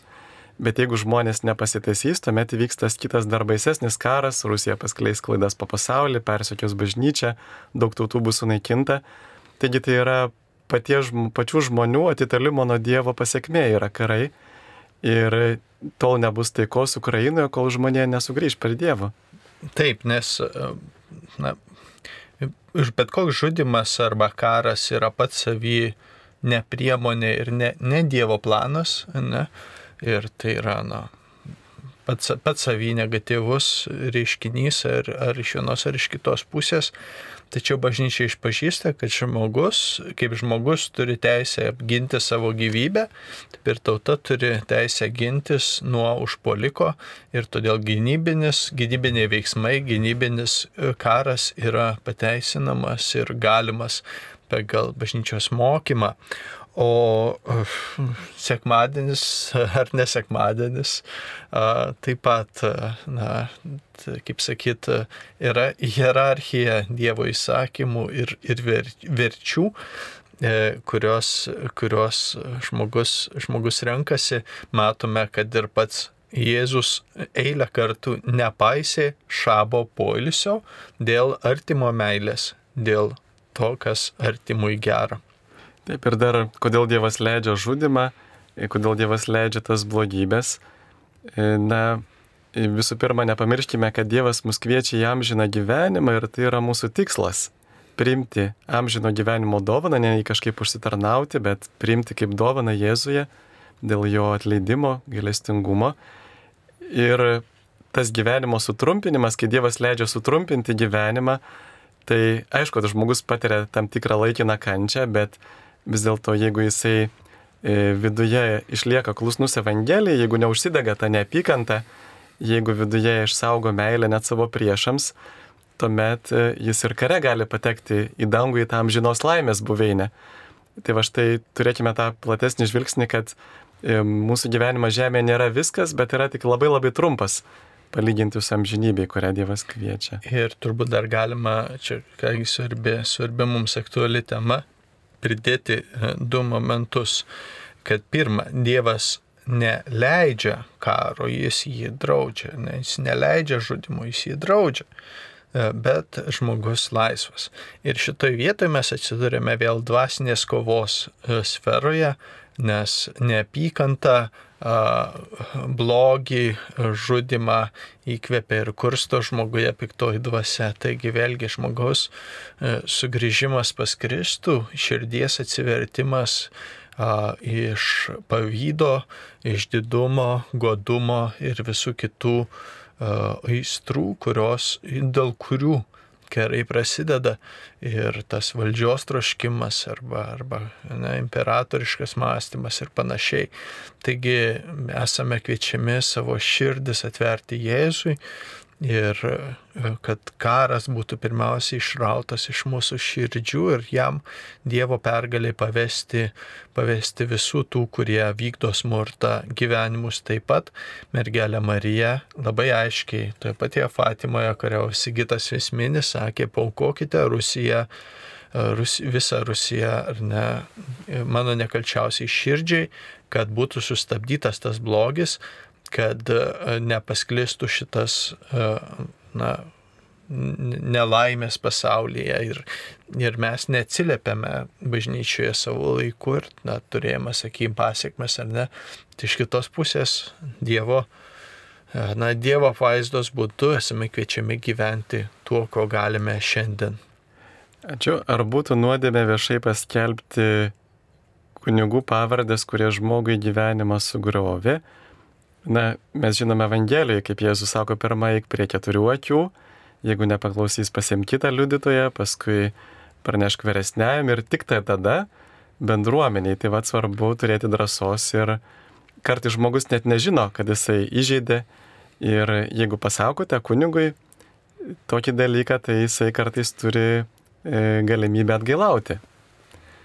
Jo. Ir iš kitos pusės, a, iš psichologinio žvilgsnio um, kitą laikyti atsakingu už savo uh, na, gyvenimą arba jo sugriovimą gali būti ne visai teisinga, nes uh, žmogus uh, pats kuria arba statydina, arba sugriauna savo gyvenimą reaguodamas ir praeidamas, aišku, gali būti sunkių ir didelių klaidų, tikrai, ir paties kunigo padaryta, bet paties žmogaus uh, išsprendimas savo gyvenimą, na, kaip gyventi ir, ir kaip jį statydinti, gali tapti, na, to lieptų gyventi, nu, ne, nepaisant to, kas yra patirta sunkaus gyvenime. Ačiū. Jėzus Jėzus sakė, kad visos valdžios yra iš Dievo, dažnai bažnyčia sako, kad Stalino ir panašus režimai yra iš piktojo, vadinasi, bažnyčia prieštrauja Jėzui. Visos, e, turbūt apaštalas e, turėjo minti kažkokias konkrečias valdžias, kurios buvo to meto aplinkoje, e, to meto sistemoje. Taigi visos teisėtos valdžios, galima pasakyti, yra iš Dievo, ne? tos, kurios išrinktos arba mums skirtos, sakykime, bet nuo pirmųjų amžių tos pačius imperatorius, kurie persikėjo krikščionis, krikščionis laikė antikristo škia, reiškiniais ir, ir jo įtaka pasaulyje. Ir e, taigi e, tas turbūt vieną eilutę paimti ir iš to interpretuoti visą mokymą apie valdžią ir apie mūsų škia, politikus ar dar ko nors būtų neteisinga, nes uh, mūsų valdžia kaip uh, institucija, kaip, kaip, uh, kaip uh, mūsų žemi, besirūpinanti mūsų žemiškąją tvarką ir sugyvenimu yra iš Dievo, bet morališkai tos valdžios atstovai ir jų sprendimai gali būti neteisingi. Ne tik ne iš Dievo, bet ir iš paties piktojo, ar ne? Taigi turime atskirti to, kad paskiras žmogus, kad pats valdžios principas arba politika yra Dievo mums dovana, ar ne, mūsų, mūsų sugyvenimui ir mūsų apsaugai ir pasirūpinimui mūsų gyvenimu. Tačiau paskiri žmonės gali būti morališkai neteisingi valdžioje. Taip, ir nepamirškime, kad e, jau pats Jėzus yra sakęs, kad šio pasaulio didžiūnai engia tautas, o tarp jūsų to neturi būti, kas nori būti pirmas, tai būnė paskutinis ir taip toliau, tai būna visų tarnas, tai iš tikrųjų yra kiekvienam vadovui toks kaip ir iššūkis E, nepasikelti puikybę, bet e, pradėti tarnauti. Ir apokaliptiniai literatūrai labai dažnai kalbama apie tas valdžias kaip apie žvėris, kurie sukyla prieš Dievo tautą. E, tie, kurie turi ragus, kurie, na, pradiškai netgi galima pritaikyti, ne tik, kad pritaikė prieškimo knygai pirmieji krikščionys imperatoriui Neronui, bet galima taikyti ir, ir, ir sovietiniam, tam raudonajam slibinui ir panašiai. Tai visgi todėl ir parašyta paštalų, kad Dievo reikia klausyti labiau negu žmonių. Taigi viena vertus, klusnumas jis yra pagal Dievo valią, nes anarchija bet kokia atveju duoda blogus vaisius kiekvienoje darbovietėje, kiekvienoje valstybėje. Bet kai valstybė prašo, kas prieštarauja, aišku, turime e, klausyti labiau Dievo. Taip, tai turime skambutį. Valerija iš Rokiškio. Garbėjai Jėzui Kristui. Per amžius. Prieš devynis mėnesius palaidojau dukrą. Ji mirė labai staiga, vaikų akise tiesiog atsigulė ir užduso ir numirė. Liko du vaikai, 13-14 metų. Ir dabar galvoju, kaip paaiškinti vaikams apie Dievo gailestingumą. Jeigu jie sako, kodėl atėmė iš mūsų mamytę, nu tai aš suprantu, kad tokia yra Dievo valia. Man 83 metai, aš gyvenu, o dukrai buvo 44, jos nebėra. Ir liko du vaikai našlaičiais. Aš melžiuosi už dukrą, melžiuosi už vaikus, bet niekaip negaliu. Ir man pačiai kyla tokios abejonės, kaip suprasti Dievo gailestingumą. Taip, ačiū. Na čia turbūt yra ir vėl tas pas dalykas, kad turim nepamiršti tikėjimo žvilgsniu, kad Dievas mus kviečia į amžiną laimę danguje e, ir kad e, žmogaus mirtis tai nėra išnykimas. Kaip tik, e, va, pavyzdžiui, tie žmonės, kurie turėjo klinikinės mirties įvairias patirtis ir kurios tikrai buvo labai rimtai paliudytos, jie, tarkim, galėjo irgi matyti, kas vyksta tuo metu, kai jų smegenys buvo mirusios, arba galėjo girdėti, apie ką artimieji kalbėjo tuo metu, kai jie buvo mirę ir matyti save iš viršaus ir, ir susitikti mirusius artimuosius, kurie pasakė teisingų dalykų apie tuos dalykus, kurie nežinojo, būtent per klinikinę mirtį. Tai tas liudija, kad iš tikrųjų dangus egzistuoja ir kad jis be galo yra nuostabus ir kad ne vienas iš jų nenorėjo grįžti. E, kad e, jiems tikrai yra gera danguje būti.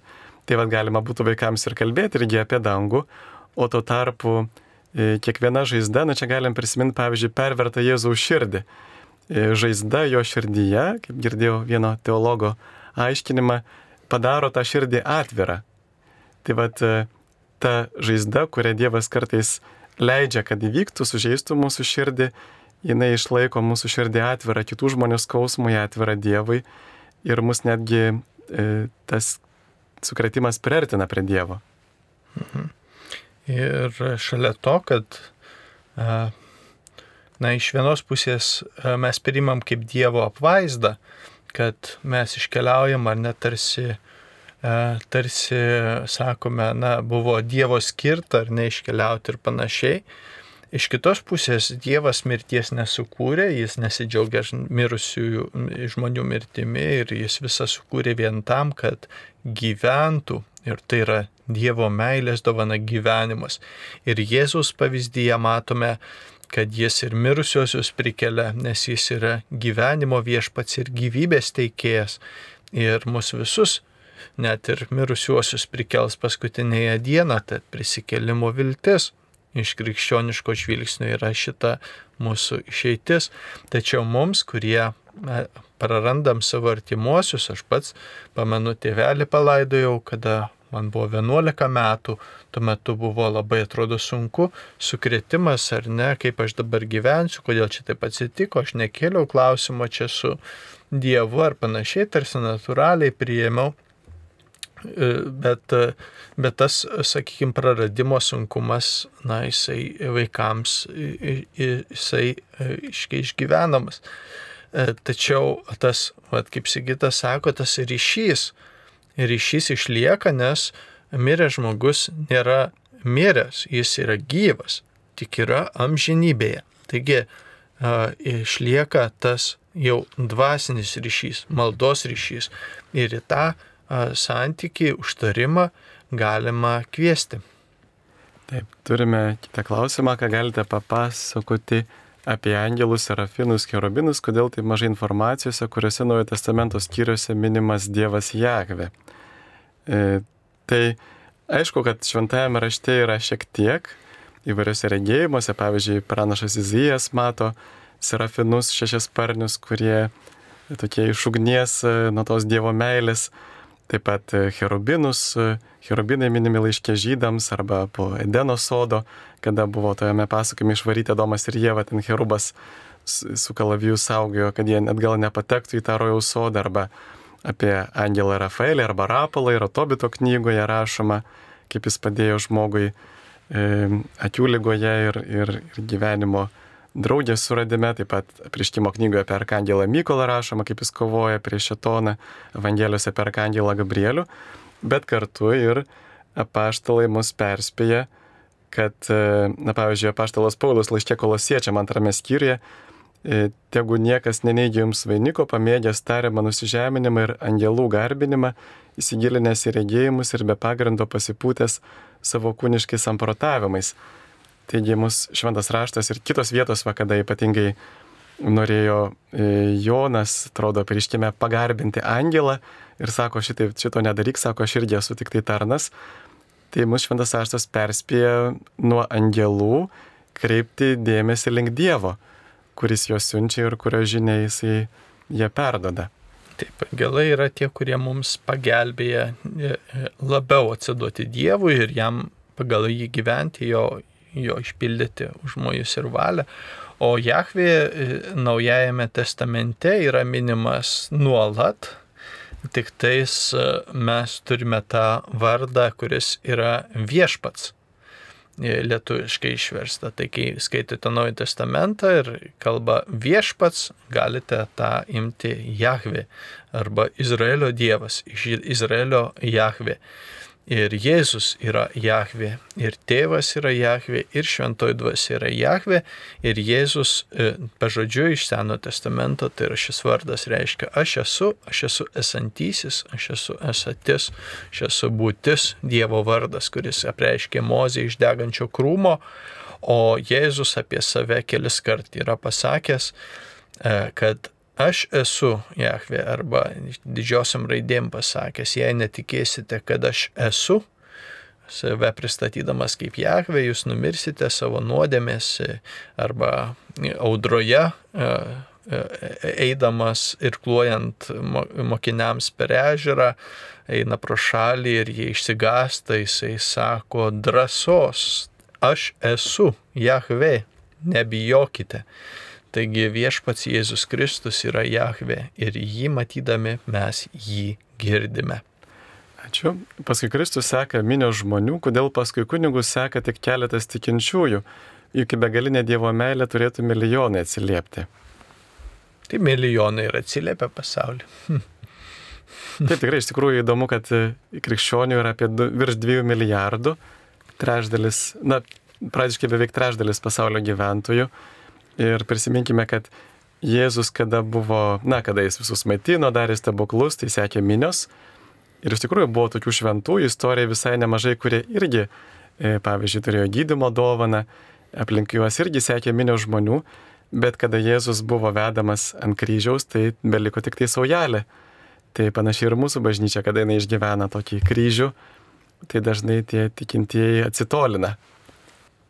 Taip, jie tėvai auklėja vaikus tikinčiais padarys, bet užaugę susivokia tampa agnostikais, bet nužengia doros ir tiesos keliu, kaip mūsų kudirkai arba Sanavičius, kodėl kunigai sako, kad netikėjimas, vien žinojimas jau yra nuodėmė, nes dažnai tikintieji pridirba piktą, bet ne kudirkos ir basanavičiai.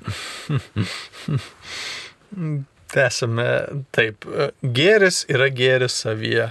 Ar a, tikintis ar netikintis žmogus a, renkasi gerą ir tai yra gera rinktis kai kas gera pagal Dievo kelią. Ne mums spręsti, kas eis į išganimą ir bažnyčia niekada nedeklaruoja, kad žmogus eis į pragarą ar į dangų. Tai yra Dievo akivaizdoj. Esame teisiami pagal Jėzaus Evangeliją, pagal jo žodį, pagal tai, kuo atliepiame savo gyvenimu. Ir e, turbūt e, tikėjimas, be tikėjimo yra sudėtinga išganima, nes Jėzus ne, ne dėl to, kad kunigai taip sumastė, ne dėl to, kad bažnyčia taip moko, todėl ką sakė Jėzus kas e, mane tiki, ar tiki Jėzus prisikelimą, pagrindinė šerdis, ar esi santykėje su juo, ar esi Jėzaus dvasioje, ar pasaulio dvasioje, nes e, tas pasaulio gerumas jis gali būti apsimestinis, jis gali būti dėl savo garbės, dėl savo kažkokio tai karjeros įvertinimo, pasiekimo, pripažinimo, dar kažko tai jisai negali gali būti neautentiškas gėris arba, arba meilė, kuri kyla iš Dievo ir žmogus iš esmės e, nėra Dievo dvasioje.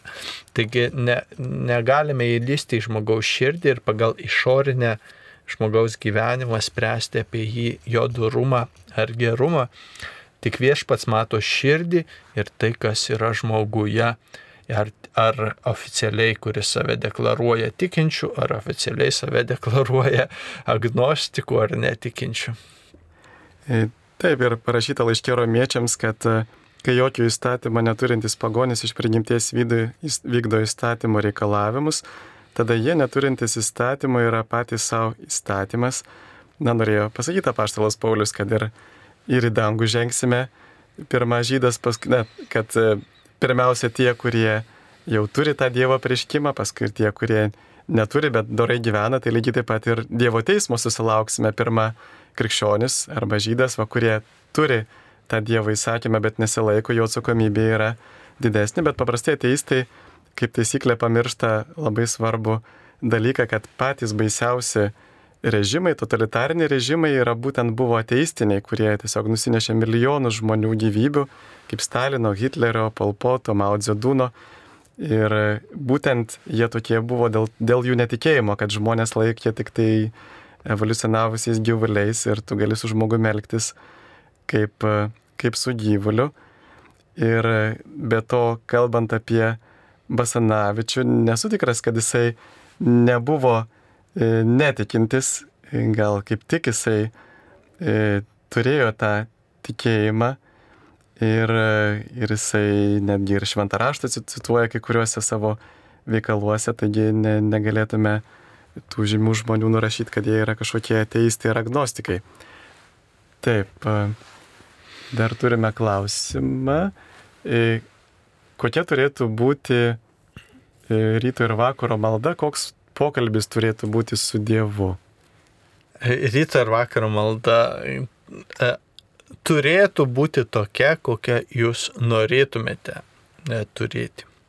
E, panašiai e, kaip tai yra santykio klausimas. Ne? Koks turi būti ryto ir vakaro pokalbis tarp vyro ir žmogaus, tarp tėvų ir vaikų, ar ne? Tarsi nusistatykime, koks turi būti pokalbis ir tada laikykime tos to režimo. tai, tai kažkuria prasme tai turėtų būti natūralus, natūralus vyksmas santykio ryšio iš mūsų pusės suvokiant Dievo meilės pažinimo ir galybės visą vi, vi, viršenybę virš, virš mūsų. Mes esame maldoje atliepę. Atliepę. Tai krikščioniška malda nekyla iš mūsų pastangų, iš mūsų a, kažkokio metodikos arba išmoktų gerai atliktų maldų ir iš to vaisius krikščioniška malda kyla iš malonės patirties ir prieimimo Dievo malonės ir šventosios dvasios maldos mumise. Tad Tad geriausia malda yra, kada mes pripažįstam, kad iš esmės nelabai mokam melstis. Nu, iš tiesų, nelabai mokam tokie truputį esam neišmanantis, nes neižinantis, ko iš tiesų reikia mums, nei, nei, nei, nei jo labiau žinantis, ko Dievas mums nori ir panašiai. Ir šentoji dvasia ateik ir melskis mumise vesk mus į gelmę, vesk mus, padėk mums išgyventi klusnumą tau ir tavąją maldą mūsų širdise ir gyvenimuose. Taip, dar vienas klausimas, iš kur atsirado Dievas? Iš kur atsirado Dievas, paklausė uh, tie, kuriuos, uh, kurie atsirado iš Dievo. tai va. Taip, aišku, pats Dievo apibrėžimas yra tai, kad E, tai yra pirmoji priežastis. Na, jeigu viskas turi pradžią, tai viskas, kas pradeda egzistuoti, turi priežastį, tai mes turime visą laiką, kad ir kiek būtų tų priežasčių, vis tiek, vis tiek turėtume atsiremti į pirminę priežastį. E, arba, e, na, štai jeigu pasaulyje matom tam tikrą tikslingumą, tai tas tikslingumas nurodo, kad kažkas tai turėjo būti protingas, kuris tą tikslą įdėjo į neprotingus kūrinius, kurie matome, kad siekia tikslo, kaip pavyzdžiui, na, kaip ir pavyzdys žmogaus organizmas. Taip, ten yra labai daug tikslingumo, Kiekviena, las, kiekvienoje lastelėje yra labai daug tikslingumo. Jis yra užprogramuota genetiniu kodu, e, kiekviena dalelė žino, ką veikti ir dirba nesiskusdama savo darbą, bet žinom, kad, e, pavyzdžiui, pati lastelė neturi proto, taip, Vadinasi, kažkas protingas turėjo įdėti tą tikslą. Tai apskritai e, Dievo buvimas yra e, prieitas netgi filosofų, tokie kaip Aristotelis, e, kurie dar nebuvo krikščionis, bet jau kalbėjo apie tai, kad jeigu iš viso kažkas tai yra, tai turėtų būti tam tikras e, nekintamas būties pagrindas. Ir Dievo apibrėžimas yra tai, kad na, tai yra tai, kas yra amžina ir iš ko viskas atsiranda, nes e, jeigu nebūtų priežasties, tai tuomet nebūtų nieko.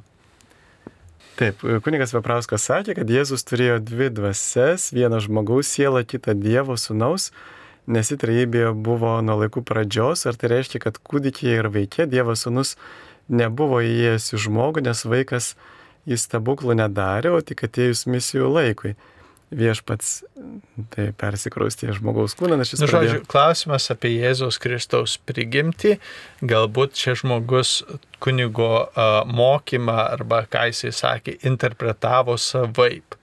Jėzus Kristus yra esminė principas nuo savo įsikūnymo tapęs tikras žmogus, likdamas tikras Dievas. Dviejų prigimčių vienovė, jame žmogystė išaukštinama ir dievystė nusižeminama iki žmogystės. Taigi, Dieve, ačiū tau už tavo įsikūnymą ir ačiū tau, kad mus mumise įsikūnėjai ir mus aplankai savo malonę lygiai taip pat mus paprastus žmonės, paprastus tavo kūrinius, padarytas savo dieviškosios prigimties, mūsų sielą, mūsų dvasę pašventinama. Kalbant apie Jėzaus sielą, jis kūną ir sielą priemė e, kaip kūrinijos dalį, e, kaip mūsų egzistencijos dalį, kad galėtų mums kalbėti ir apsireikšti. yra toks palyginimas apie tai, jeigu mes, pavyzdžiui, žmonės matytumėm skrusdėlynę, yra didelių, didelių problemų ir visos skrusdėlės žus, pražus, jeigu joms niekas nepadės, bet mes fiziškai niekaip negalime joms padėti gyvenimą susitvarkyti, tik tais reiktų tapti skrusdėlę, kad galėtum jų tarpę ateiti ir jiems padėti. Tai jeigu žmogus turėtų galimybę patapti skrusdėlę, ten nueiti ir pasakyti, žinot ką, žiūrėkit, jūs čia dabar turit taip ir taip gyventi ir daryti, ir kad, reiškia, nepražūtumėte. Taigi kalbėti tų skrusdėlių kalba reiktų, kad jos suprastų ir perimtų tą žinę. Tai Dievas yra visagalis ir jis tapo žmogumi, kad mums prabiltų tokiu būdu, kokį mes girdėtumėm ir būtumėm pajėgus priimti. Ačiū visiems skambinusiems ir klaususiems. Ne visus klausimus suspėjome atsakyti. Ir prie mikrofono buvo aš kuningas Sigitas Jurkštas ir kuningas Andrius Končius. Tai iki kitų susitikimų ir tegul viešpačius laimina, vardant Dievo tėvo ir sunaus ir šventosios dvasios. Amen. Telydijus viešpatės malonė.